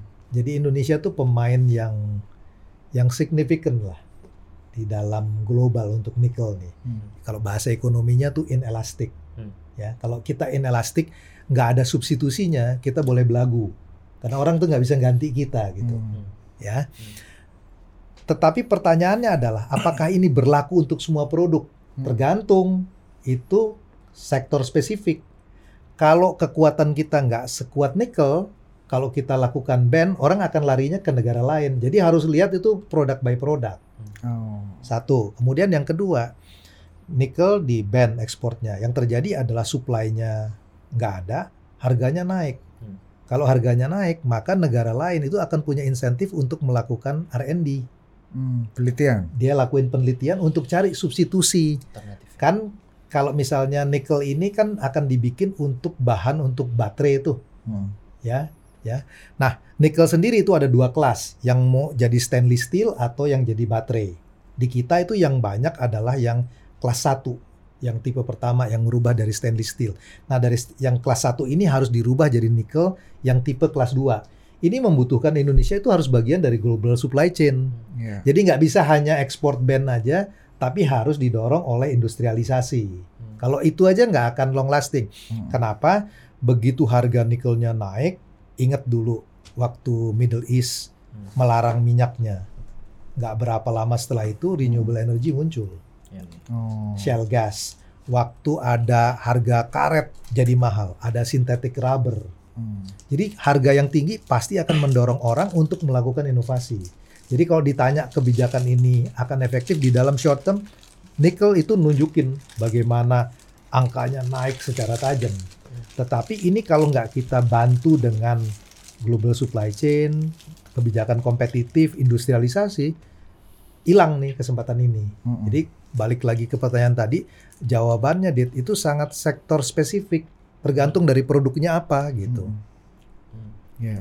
Tadi Bang Dede ngomong soal perdebatan ideologi ini antara Republikan, liberal gitu ya kalau di Amerika gitu. Kalau di kita itu dalam tradisi ekonominya sebenarnya ada ideologi nggak sih dengan misalnya mafia Berkeley, eh, Chicago gitu misalnya. Itu tuh sebuah mazhab eh, ekonomi ya eh, kayak sekarang mazhab Austria gitu misalnya. Hmm. Atau apa sih sebenarnya ininya statusnya gitu dalam pemikiran ekonomi gitu. Ya karena kan kalau kalau para propagandis kan bilang eh, neoliberalisme di Indonesia ditanamkan dan diagentkan oleh itu tadi para Sedari dini. sedari dini oleh mafia berkelis Iya. sejak undang-undang PMA 167. Ya Gani ini demo-demo dulu Nah, ya, lagi kan? lempar aja ke gua Gani nih ini semua yang jelek-jelek posternya di rumahnya bang. itu Aduh. ada siapa namanya itu Bolivia siapa? Chavez. Oh enggak itu kan eh, Venezuela. Oh, Chavez, Venezuela, terus siapa sih eh, Lula gitu-gitu di kamarnya. Nah, belum pernah ada yang gua undang belum pernah. Iya. ada. Foto Dian Sastro mah nggak ada. Hoax ini semua hoax ya. Penyebar hoax emang ini channel ini. Ini ini Morales Morales. ini menurut gue ya. eh kita sebetulnya kalau mungkin di Indonesia ini menurut gue pribadi ya. eh mungkin belum secanggih itu perdebatannya. Ya, itu tadi gue suka bilang ekonom sama political scientist tuh sering kali kepinteran dengan itu gitu. Jadi bikin bikin analisa yang yang tinggi-tinggi yang luar biasa. Ini gua kasih contoh yang sederhana ya. Apakah faktor ideologinya dominan? Pasti ada lah faktor ideologi. Pak Wijoyo CS nih ya. Siapa pun kalau orang dia sekolah, dia pelajarannya, dia pasti datang pulang ke rumahnya, dia mau, oh yang gue pelajarin, gue mau coba terapin tuh faktor itu pasti ada. Pertanyaannya adalah apakah itu akan dominan di dalam policy atau enggak gitu. Hmm. Oke. Beda misalnya eh, Thatcher ya. Itu memang dia percaya betul yang disebut sebagai Thatcherism itu memang dia penganut Hayek Hmm. ya. Itu dia memang penganut Hayek. Dia dia believe dengan itu. Nah, sekarang gue kasih contoh kenapa gue punya argumen ini. Berkeley Mafia ya. Pak Wijoyo CS itu menjadi menteri di Indonesia 67 sampai dengan mungkin sampai 9 93. akhir 80-an. Hmm. 90 masih pengaruhnya masih ada ya. Sampai se- se- akhir akhir akhir 80 akhir 80-an lah ya. 90 itu mulai udah mulai menurun karena Pak Habibie naik dengan itu ya. Nah, coba kita lihat periode periodisasi itu. Hmm. 74 itu 73 74 ini nggak ada kaitan dengan malari tapi itu oil boom naik luar biasa Hmm. harga minyak naik luar biasa coba kalau lihat kebijakan ekonomi di Indonesia di periode pertengahan 70-an itu sangat intervensionis Pasca malaria bang ya. Pasca Pertengahan malaria. itu ya, 70-an. Eh, Syahrir klaim itu karena demonstrasi malari yang mendesak kepada kebutuhan pokok dan macam-macam oke lepas dari soal itu Tapi di- mana bang? CL CL. CL. Kecil, ya Eh, lepas dari soal itu di, dia tulis di disertasinya tuh apa namanya eh, ekonomi politik kebutuhan pokok. Eh, lepas dari dan memang ada itu SD Impres, kemudian apalagi Impres kesehatan macam-macam. Tapi di dalam industri pada waktu itu muncul juga industrialisasi yang macam-macam. Hmm. Ya, ingat misalnya ide di dalam pesawat itu Pak Habibie mulai sekitar tahun 77 78 tuh Hmm. ya untuk bikin pesawat segala macam. IPTN ya bang. IPTN, Industri strategis ya. industri strategis. Mulai dari situ. Itu arsiteknya, arsitek ekonominya adalah teknokrat. Hmm. Orang tentu bisa bilang, oh ini kekuatannya, uh, bargaining powernya melemah pada waktu itu. Tapi poin gue ada bilang bahwa itu bisa dilakukan intervensi negara karena negara punya uang Hmm. Pada waktu itu. Ingat segitu banyaknya uang bahkan 10 setengah miliar dolar nggak bisa dipertanggungjawabkan Pertamina, isunya hilang begitu aja. Segitu banyak uang yang yang ada pada waktu itu. Itu adalah di pertengahan 70-an sampai 80-an. Kita macam-macam bikin industri strate- strategis. Kita adopt yang namanya substitusi impor pada waktu itu. Kalau ditanya siapa arsitek ekonominya, Wijaya CS. Hmm. Inward looking. Ya. Terus kemudian tahun 82 83 harga minyak jatuh. Sampai tuh 86-an harga minyak jatuh. Apa yang dilakuin? Ekonomnya sama, apa arsitek ekonominya sama. 82 83 kita bicara mengenai deregulasi.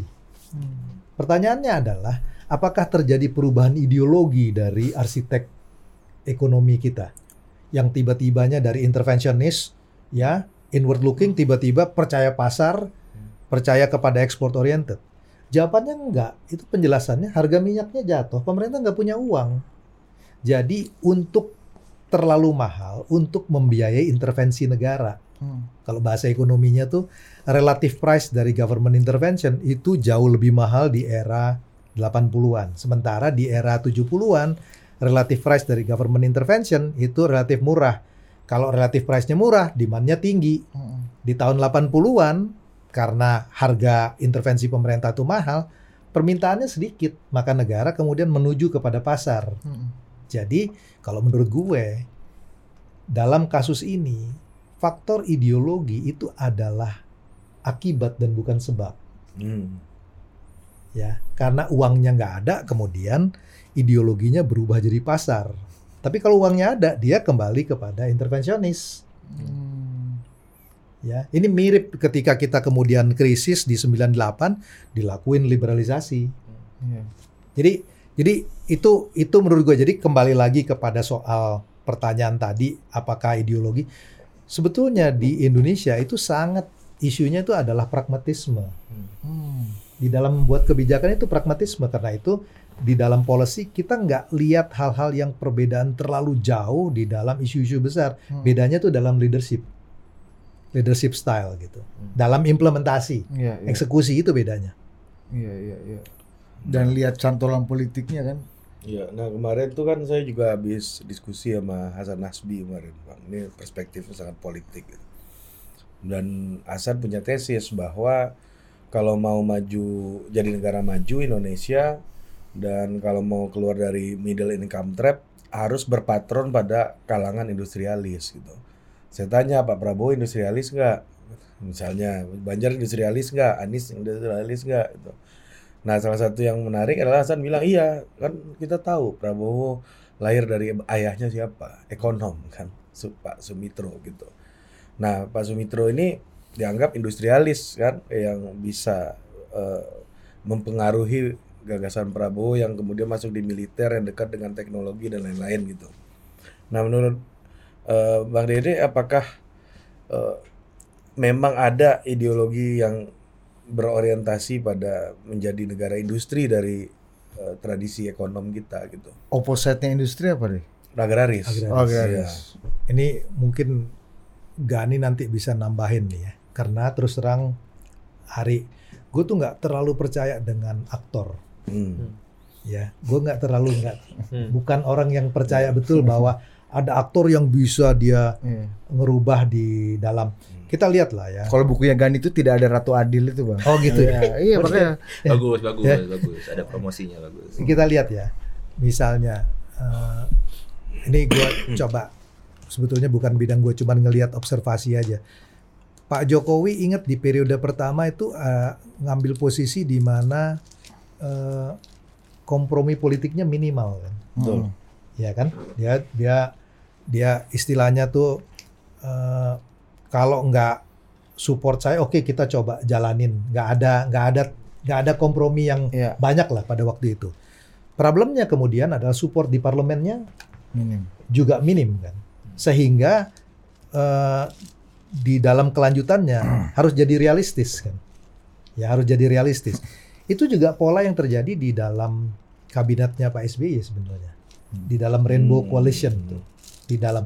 Jadi kalau balik kepada pertanyaan itu ya, gue nggak terlalu yakin kalau misalnya soal aktor tuh bisa ngerubah Hmm. ke mana Pak Jokowi itu pribadi yang yang yang strong ya tapi toh pada akhirnya dia juga harus lakukan kompromi politik di dalam uh, kabinetnya di dalam macam-macam hal lah Hmm. dia harus itu harus lakukan itu yang gue sebut ya akhirnya dengan apa ya uh, constraint kendala struktural itu setiap presiden akan jadi presiden yang normal ya, Setelah itu- setelah setelah setahun dua tahun Oh, dia lihat. Iya. budgetnya ya setelah dia lihat mengenai Iya. konstelasi politiknya jadi Iya. kalau di tadi balik ditanya apakah dia akan bisa karena satu Mm-mm.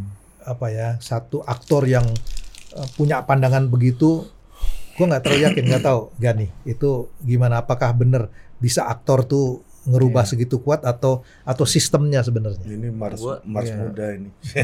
Bukan Mars tua. Iya. Sebenarnya- Jadi Mas Anies setelah tahun ketiga udah nggak pikir Hmm. DP 0 rupiah lagi kan, udah kembali ke normal Iya. normaliter ini. Justru gue ada pertanyaan lanjutan nih bang sebenarnya. Eh, dia Misalnya, mau Jadi dia nanya nanya lu. lagi. Nah, Iya. memang emang pengen nanya aja kan hari Iya, ini kan. dia emang- Tugasnya emang bertanya bukan Iya, menjawab. jadi gitu. mahasiswanya Kan masih mahasiswa kita harus Eh, bertanya. ini penonton juga boleh Nah, tanya ya. Nah, kalau mau tanya nanya. dong. Nggak gini bang, kan sebenarnya eh, kalau kita disuruh membandingkan ya, sering banget katanya Indonesia mesti mencontoh Asia Timur misalnya, negara-negara yang waktu pada saat itu mungkin startnya mi- mirip-mirip, misalkan orang bandingin Indonesia Korea, startnya mirip-mirip, tapi kok Korea bisa melesat. Banyak pasti alternatif jawabannya. Ada yang bilang, oh geopolitiknya beda, itu memberikan insentif bagi Korea dan sebagainya. Nah, tesis yang paling dominan tuh sekarang kan sebenarnya dipromosikan misalnya sama Acemoglu ya. Acemoglu kan bilang dia ngasih contoh di bukan bukunya My Nation's Fail tapi di paper-papernya sebenarnya kan dia nunjukin yang paling memotivasi dia menjelaskan peran negara kan Korea Utara sama Korea Selatan. Dia lihat petanya, oh di saat malam kenapa nih Korea Selatan yang sebenarnya satu pulau dan sebagainya dia bisa lebih terang, ekonomi bisa tumbuh. Argumen dia kan mengatakan peran negara di situ, negara yang lebih inklusif dan sebagainya. Nah, tetapi mungkin nggak banyak dalam perdebatan di Indonesia, tapi kalau di luar itu sudah banyak pengkritik ya, Bang, yang mengatakan bahwa eh entar dulu, apakah benar sebenarnya state di situ punya pengaruh? Karena sebenarnya misalnya di Korea Selatan, kebijakan yang inklusif yang pro industri itu terjadi bahkan sebelum dia menjadi demokrasi. Dengan demikian, tesis si Acemoglu gugur dengan sendirinya sebenarnya karena dia mengatakan no, inclusive political system dan inclusive economic system, kan begitu. Nah, muncullah orang-orang misalnya seperti Peter Evans atau Stephen Haggard yang memang men- menstudi negara-negara developmental. Nah, mereka kan fokus ke Asia Timur nih, karena dianggap sebagai miracle gitu kan. Kenapa bisa? Dan mereka mengatakan bahwa kesimpulan mereka kita harus membedakan apa yang terjadi di Asia dengan tesis-tesis yang free market oriented saja gitu. Dan mereka mengembalikan lagi peran negara, tapi mereka mengatakan negara itu harus otonom, birokrasi otonom, tapi juga mesti establish gitu. Karena kalau misalnya dia belajar dari Jepang misalnya bang, ini nggak tahu, saya karena kan bang Basri kan, bang Dede kan di pemerintahan ya, apakah benar atau enggak? Dia bilang, oke birokrasi mesti otonom, tapi dia juga mesti punya sifat yang korporatis. Makanya di Jepang orang-orang yang memang punya pengalaman di bisnis, network kampus-kampus yang sama, itu dibawa ke sistem, akhirnya dia bisa men-solve mungkin bahasa ekonominya kan apa collective action problemnya itu disolving dengan cara birokrasi yang nggak semata-mata otonom tapi dia punya peran dan dia mungkin punya network di bisnis.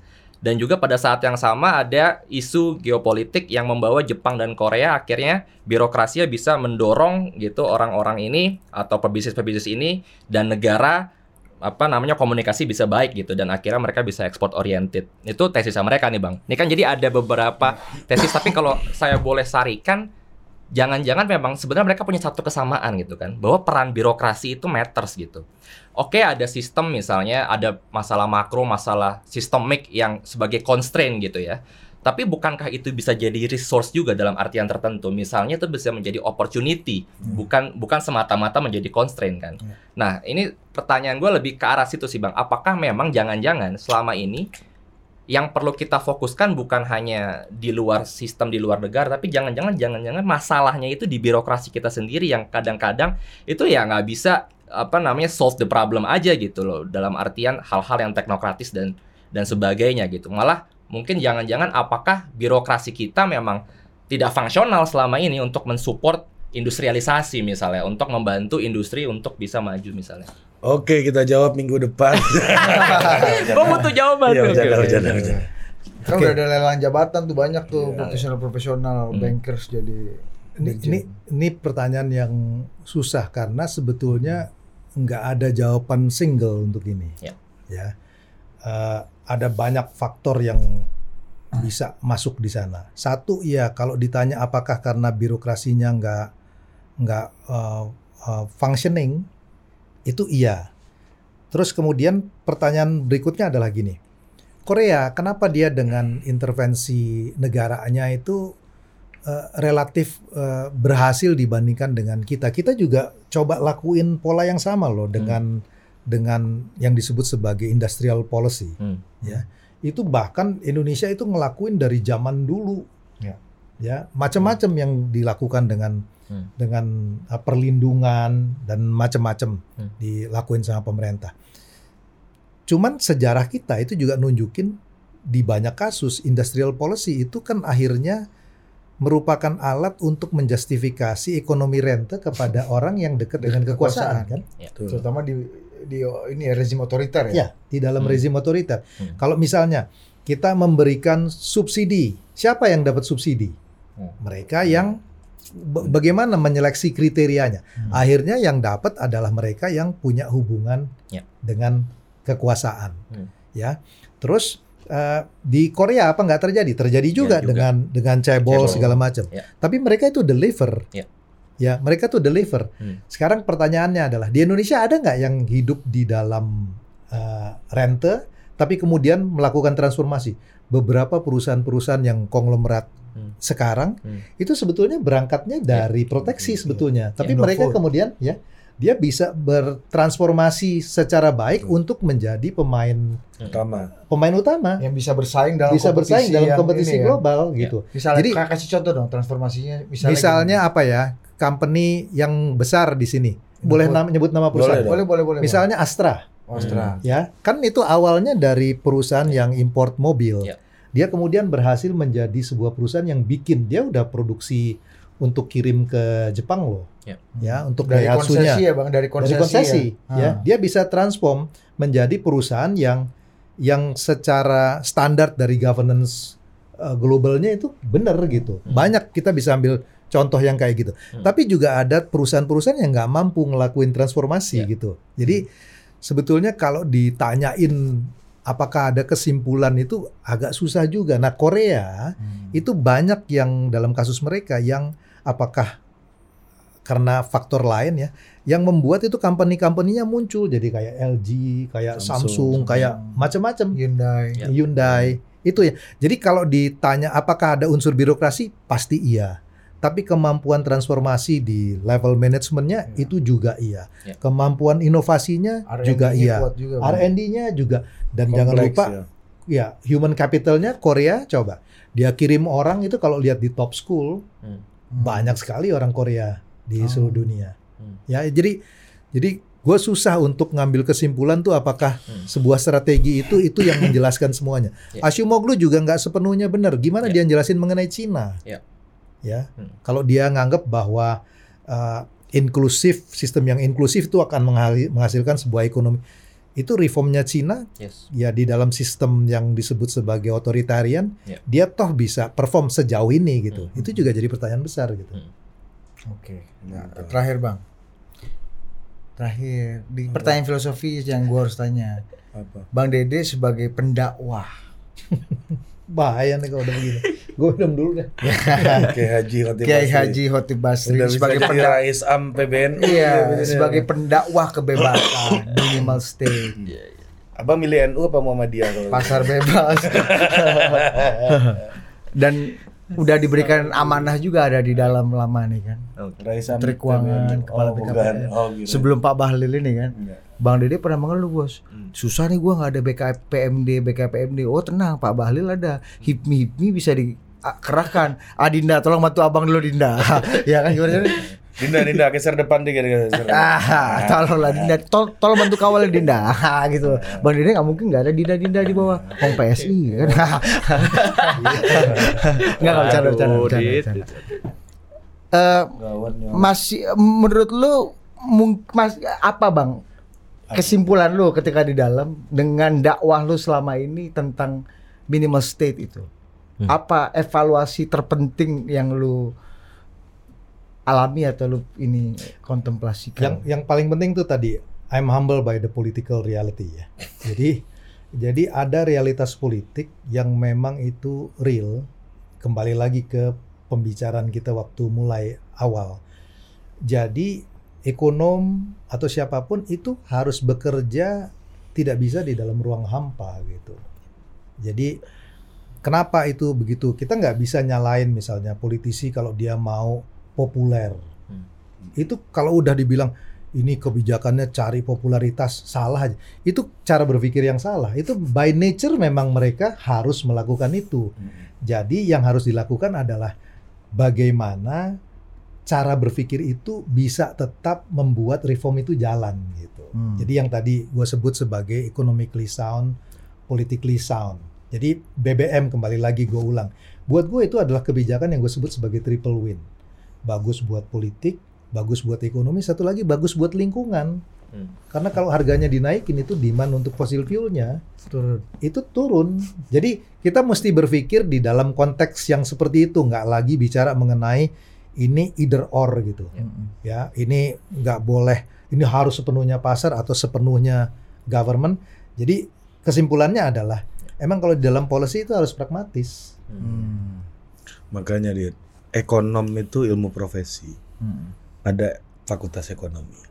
Kalau di pemerintahan itu ilmu kehidupan. Itu dokter honoris causanya kompromi. Iya, ilmu kehidupan. Ilmu. Mas, Bang Deddy lebih banyak bicara ilmu kehidupan ketimbang ilmu ekonomi baru. Iya dulu dia waktu di waktu di FA dia waktu di FA kerjanya ngeritik Pak Ali Wardana, muter terus kan, ya Ya, kan? itu ilmu ekonomi.